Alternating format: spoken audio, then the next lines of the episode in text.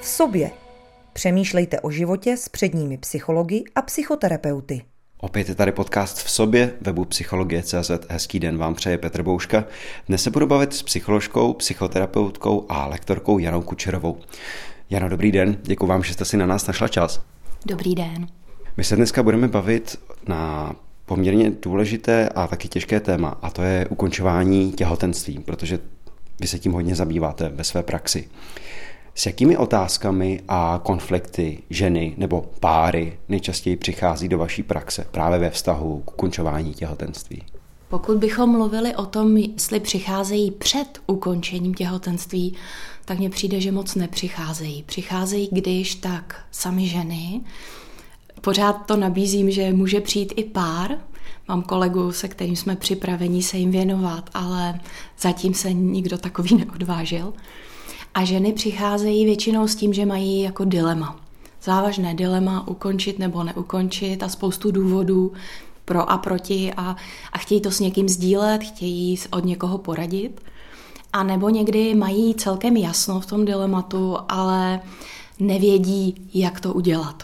Protože třeba si miminko nechat chtějí, ale prostě všechny ty okolnosti jsou velmi nepříznivé nemají partnera, nejsou, nejsou nějak finančně zajištěné třeba, nebo to miminko je nějak nemocné, nebo ta žena sama je nějak nemocná. Nebo, a nebo miminko nechtějí, a někdy třeba se stane, že někdy něco četli o postabortivním syndromu a jdou se poradit, jak to zařídit, aby se jim něco takového nestalo. Nebo aby neměli prostě nějaké jiné ne, negativní, nepříjemné následky po tom případném potratu. Já na to hned navážu. Proč si myslíte, že nechodí páry? Ty ženy nechtějí do toho ty muže zatahovat, jestli můžu použít to slovo, nebo ty muži se toho bojí, nebo berete to opravdu jako výsostné rozhodnutí spíše té ženy? No, to je zajímavá otázka. Možná by to bylo zajímavé ptát se toho muže. Proč, proč vlastně nepřijde se poradit? Já myslím, že nakonec je to výsostné rozhodnutí ženy. Čistě právně a možná medicínsky žena je ta, která na ten zákrok nakonec jde nebo nejde. Ale když je to pár, protože někdy je to i tak, že žena je těhotná nedá se mluvit o páru, nebo ten muž rovnou řekne, hele, já to vidím takhle a ty se teda zařiď, jak chceš, se mnou nebo beze mě. Nebo někdy muž říká, já tě podpořím, ať se rozhodneš jakkoliv. No ale tím vlastně říká, tak si to nějak rozhodni a já prostě se podle toho zařídím a přichází sama. A cítí se v tom sama. Velmi často. No nevím, proč muži nepřichází. Jsou to i jejich děti. Bylo by fajn, kdyby přišli. A myslím si, pokud to rozhodnutí opravdu udělají spolu, že je větší šance, že to nerozdělí jako pár. Protože samozřejmě může mít každý taky jiný názor a to je potom hodně rozdělující. A nebo někdo z nich ani neví, jaký má názor a udělá to, co řekne ten druhý. Já, já se častěji setkávám s tím, že žena udělá to, co muž řekne. Potom je hrozně těžké s tím dál žít v tom páru, protože mu to většinou vyčítá. Mě zaujalo, ještě bych zůstal v tématu toho páru a roli toho muže. Mně přišlo tak na první dobrou, že když ten muž podpoří ženu v jakémkoliv tom rozhodnutí, že to je správné, že to je, že to je podpůrné, ale vlastně mi nikdy nedošlo, že to je jako delegování odpovědnosti za to rozhodnutí jenom na tu ženu. Já si myslím, že si to tak hodně mužů myslí. A možná je to trochu rozdíl v tom, jak vlastně asi nejenom těhotenství a mnohé další věci muži prostě prožívají jinak než ženy. Omlouvám se, já jsem genderově nespravedlivá. Já to takhle vidím, že prostě jsme jiní. A Muži bývají víc zaměření na, na to řešení, takže prostě nějak to zařídíme a tak. A ženy jsou, a myslím, že zvláště v tom těhotenství, zaměřený hodně emotivně a hodně na ten pocit podpory a že v tom nejsem sama. A když muž řekne, jo, prostě tak nějak to uděláme a a když řekne uděláme, tak to už je trochu podpůrný, možná hodně podpůrný pro tu ženu. Ale když řekne rozhodni se, jak chceš, já prostě stojím za tebou, tak ona to opravdu většinou vnímá tak jako já se musím rozhodnout, já nesu to zodpovědnost, já nesu tu tíhu a často ještě domýšlí, no tak on by si asi přál spíš. On to tak někdy naznačuje, víš, mně se zdá, že to není úplně teď rozumný a tak a možná bychom měli počkat. A tak ona si řekne, aha, tak on to asi spíš nechce, tak říká, že mě podpoří, ale nebude to snadný a pak se budeme hádat, no tak, tak to dáme pryč prostě. A vlastně ale je to na ní. Pak mu nevyčítá, že to rozhodl špatně, ale vyčítá mu, že ji v tom nechal. A je to vlastně veliká ztráta důvěry v toho partnera. Těžko si ho můžu vážit, když mě nechal v něčem takhle, takhle závažným. Jste zmínila termín postabortivní syndrom, že se tomu některé ženy chtějí vyhnout. Co to je? Je to termín, který by vlastně měl zahrnovat všechny možné psychické, psychosomatické, sociální a další potíže, které může žena mít, pokud u ní došlo k ztrátě dítěte během těhotenství. Je to takový vágní termín, ať už těhotenství, o které přišla, protože prostě miminko umřelo, anebo těhotenství, o kterém rozhodla, že nebude. Mně se zdá, že je dobré používat tenhle termín, protože se to dá dobře vyhledat a protože je potvrzené, že některé ženy to prožívají. Pak jsou takové různé dohady, jestli to vůbec existuje a, a co to teda vlastně je a jestli to mají všechny ženy, jestli to náhodou není jenom výmysl, jestli neměli nějaké potíže vlastně už předtím a, a tím pádem se nedá mluvit o nějakých následcích potratu. A já myslím, že je to vlastně jedno, že podle mě potrat obecně je velmi zátěžová situace pro ženu v každém případě a víme z krizové intervence, že zátěžové situace spouštějí nebo, nebo prohlubují dosávadní psychické potíže a jiné, vztahové třeba. Takže ten potrat to určitě může udělat taky, nebo pravděpodobně udělá a někdy až do té míry, že se žena cítí hodně bídně depresivní nebo úzkostná, někdy i třeba snávaly paniky, eh, někdy mývá velké pochybnosti o tom svém rozhodnutí, výčitky, nebo v případě spontánního potratu tam často bývá silný pocit jako selhání. Jsem neschopná jako žena, neschopná donosit dítě. Někdy je to tak hluboké, že ženy třeba uvažují o sebevraždě nebo se o ní pokusí. Takže já myslím, že je to hodně závažné a že stojí za to, aby to mělo nějaký název. Mně se hodně často stává, když přijde žena poprvé a povídá mi, co všechno prožívá, jak je jí zle. A já jí říkám, jo, to se, to se stává. A ona říká, vážně? Já mám pocit, že jsem jediná, že jsem blázen. Všichni mi říkají, nemáš důvod, nic se nestalo, nic závažného se nestalo. A mě je takhle strašně. Já říkám, ne, já myslím, že máte důvod a nejste jediná. Některé ženy to takhle prožívají a pro ní je to veliká úleva. To, že to má, většinou se nám uleví, když, když jdeme k doktorovi, nám špatně a doktor řekne, jo, máte chřipku. tak my hned víme, aha, je to dobrý, je to popsaný, není to rakovina, neumřu na to. A je nám trochu líp, ale když chodíme po doktorech a pořád nevíme, co to s náma je špatně, tak se vlastně cítíme hůř ještě, ještě nad to, ještě k tomu navíc. Mohla byste mluvit ještě o přirozeném ukončení těhotenství, že i když předpokládám, že pokud ta žena se chová nějakým rozumným způsobem, tak za to nemůže nést vinu, že to je prostě nějaký biologický fenomén často. Ale přesto se tam asi nějaké pocity viny a výčitky můžou objevit.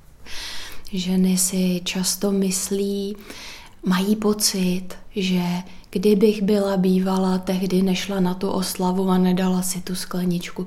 Kdybych byla bývala, víc cvičila, zdravě jedla, možná jsem měla nějaký zánět, možná moje imunita není dobrá a někde v hloubi je asi skrytý pocit, udělala jsem něco špatně nebo sama jsem nějak špatná.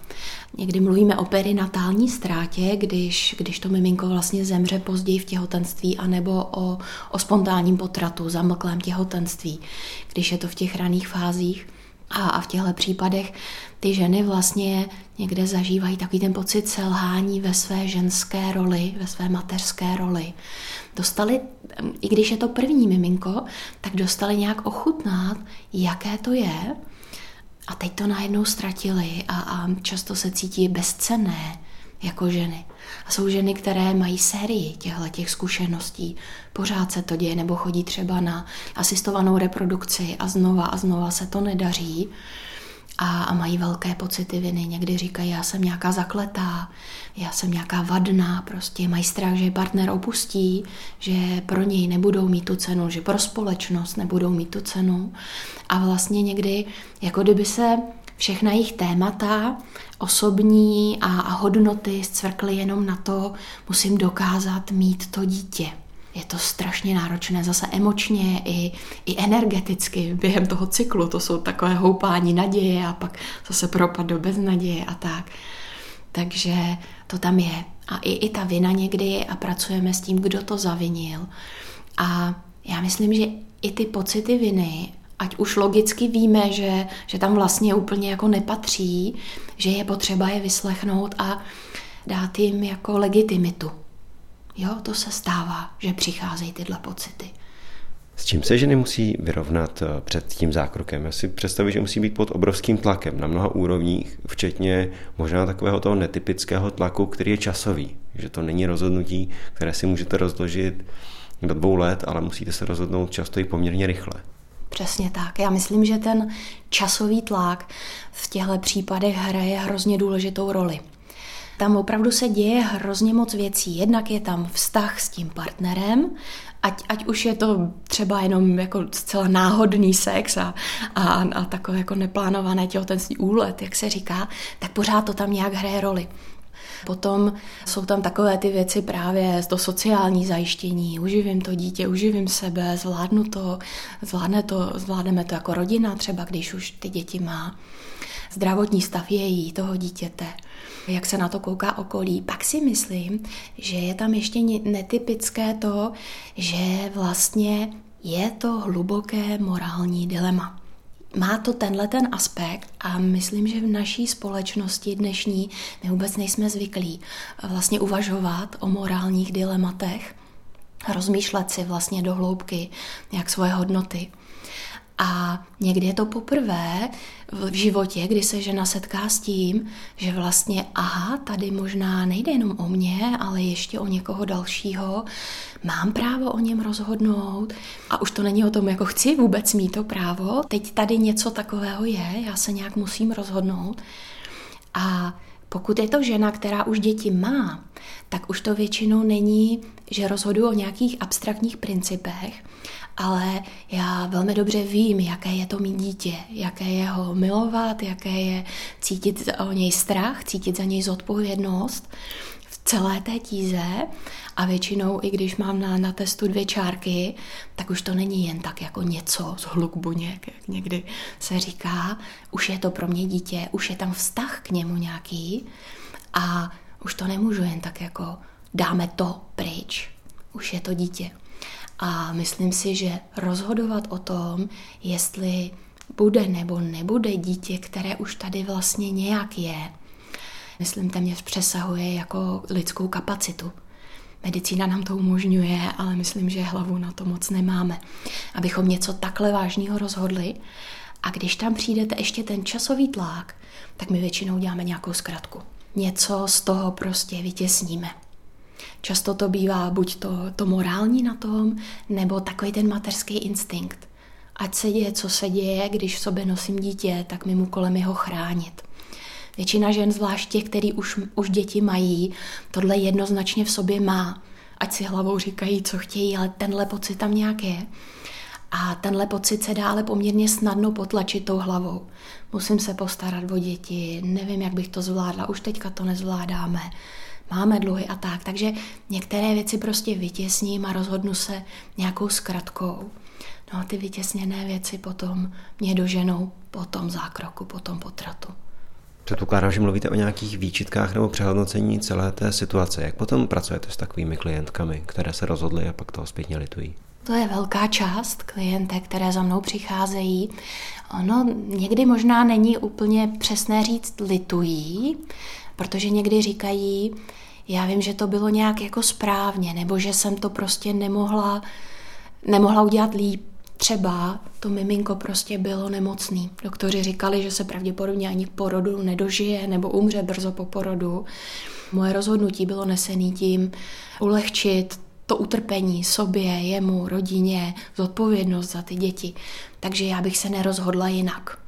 Ale přesto je něco, co mě strašně bolí, přesto mám výčitky, protože mně se zdá, že když je tam dilema, tak jsou tam jakoby různé protichůdné názory.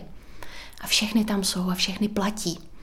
Je to někdy přirovnávám trochu jako k hlasování v parlamentu. A oni se teda nakonec nějak dohodnou, ale ti, podle kterých to nebylo, jako nebudou spokojení a budou vyčítat a budou se hlásit. Tak já myslím, že je potřeba prostě tyhle ty všechny části vyslechnout a pokusit se pro ně najít nějaký uspokojení nebo smíření a odpuštění od nich, od těch všech, kteří byli zranění, nevyslechnutý, kterým se stala nějaká nespravedlnost. A to tam bývá jako různý témata, různý kousky v nás. Já si dovedu představit mnoho různých situací. Ten potrat, jak vy jste zmínila, může být spontánní, když to dítě třeba bylo chtěné, ale reakci na každou situaci, každá ta klientka předpokládám, že je unikátní. Takže nemůžeme říct si, že pokud si to někdo naplánuje, aborci a je s tím, eh, je s tím teda srovnaný i dopředu, třeba, třeba za vám přijde dopředu, že to je pro toho člověka menší zátěž, než pokud to bylo neplánované. Já myslím, že je to spíš jiná zátěž že se tam opravdu objevují jiná témata. My jsme to vlastně předtím zamluvili. U nás je potrat legální do 12. týdne těhotenství. A žena se obvykle dozví, že je těhotná někdy tím, tím těhotenským testem jednoduchým, někdy ve čtvrtém, spíš pátém týdnu. Pak jde k lékaři, který to teprve potvrdí, to máme někdy šestý týden, to znamená, že maximálně šest týdnů má na to rozhodování. Většinou ale lékaři chtějí, aby se rozhodla mnohem dřív, aby se udělal ten menší zákrok mini interrupce, který je možný do sedmého nebo osmého týdne. A najednou se nám to zkrátí na nějaké dva týdny. A to je doba, za kterou podle mého názoru není možné se s tím smířit. Je možné se rozhodnout, Někdy je to takové spíš, že prostě si hodím korunou, protože navíc nemám čas a kapacitu v tu chvíli. Ale na směřování potřebujeme spíš měsíce nebo roky.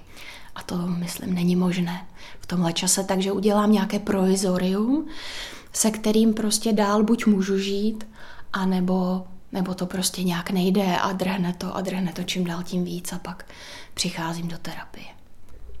Řekla byste, že současný zdravotnický systém u nás je špatně nastavený, že těm, že nám nevychází vstříc a není podporující, co se týče právě toho procesu rozhodování, že to bere spíš jako nějaké formální hledisko, jako prostý medicínský, biologický zákrok a to psychologické hledisko, že tam nezohledňuje, na mě to působí tím dojmem.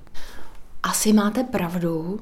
Já o tom hodně přemýšlím, když jsem kdysi pracovala na, na lince, která pomáhala ženám právě v takovéhle situaci rozhodování, tak jsme se snažili protlačit krátkou zmínku o postabortitním syndromu do takových těch eh, informovaných souhlasů, co ženy před tím zákrokem podepisují.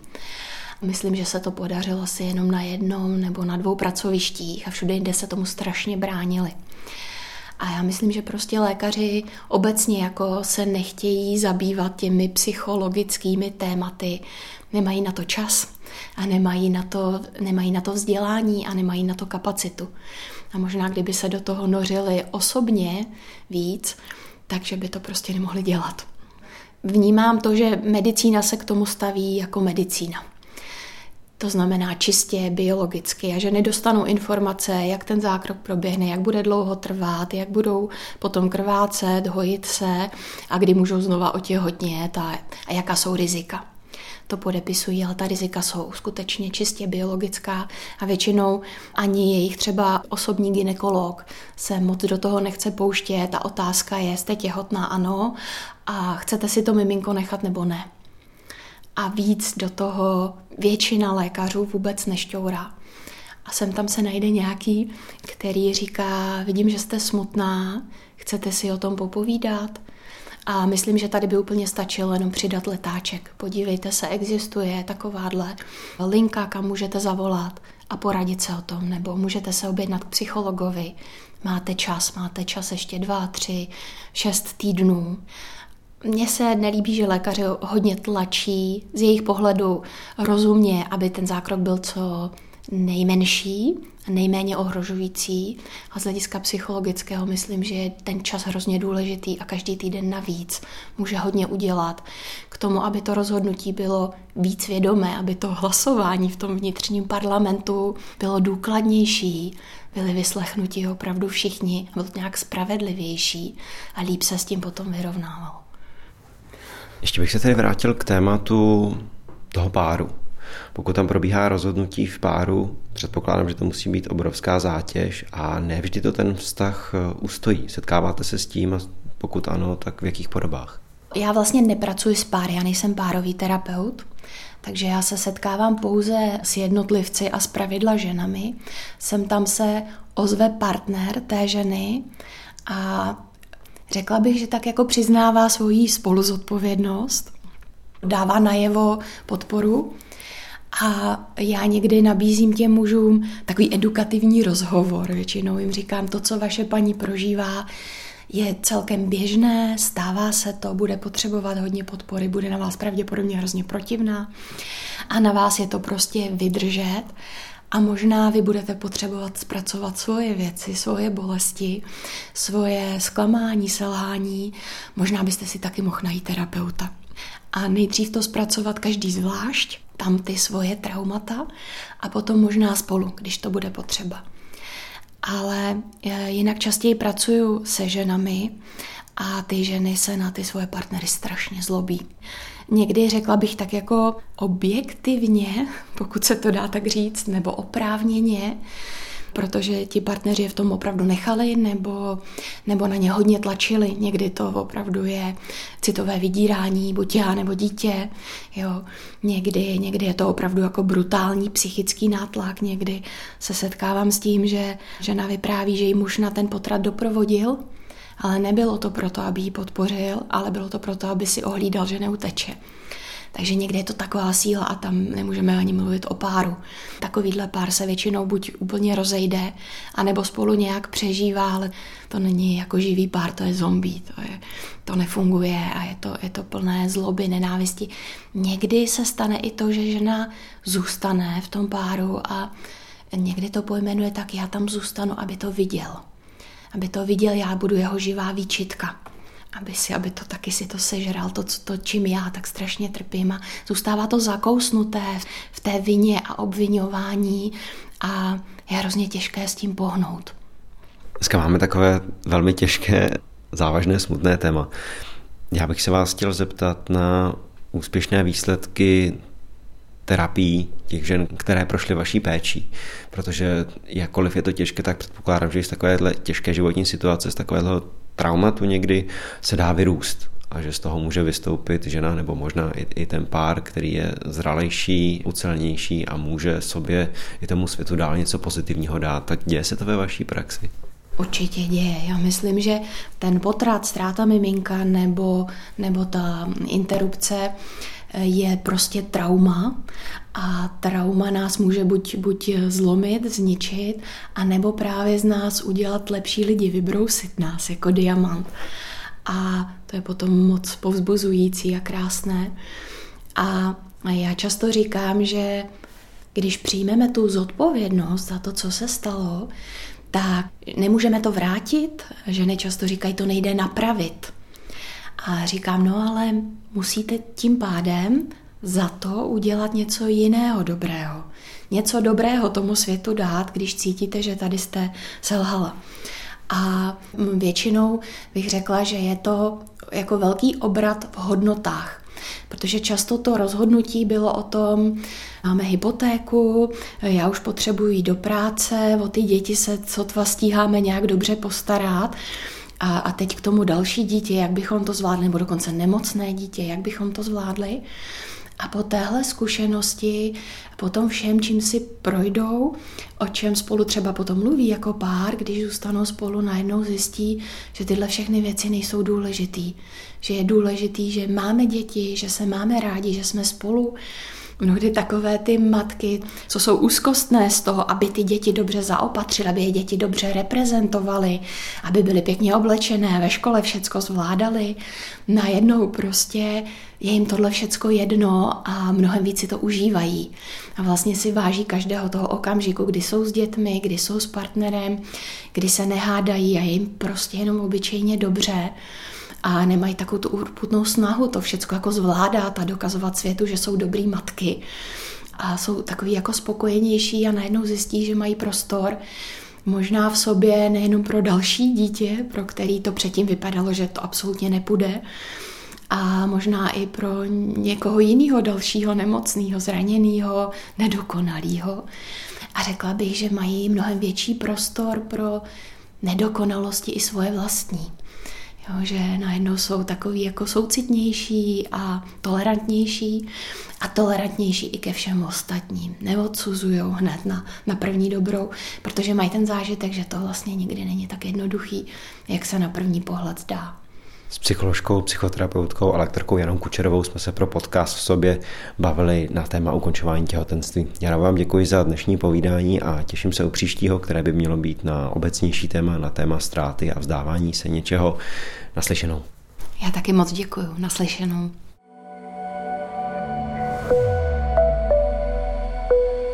Více audia, článků a videí o tomto tématu najdete na webu psychologie.cz, největším českém portálu o sebepoznání.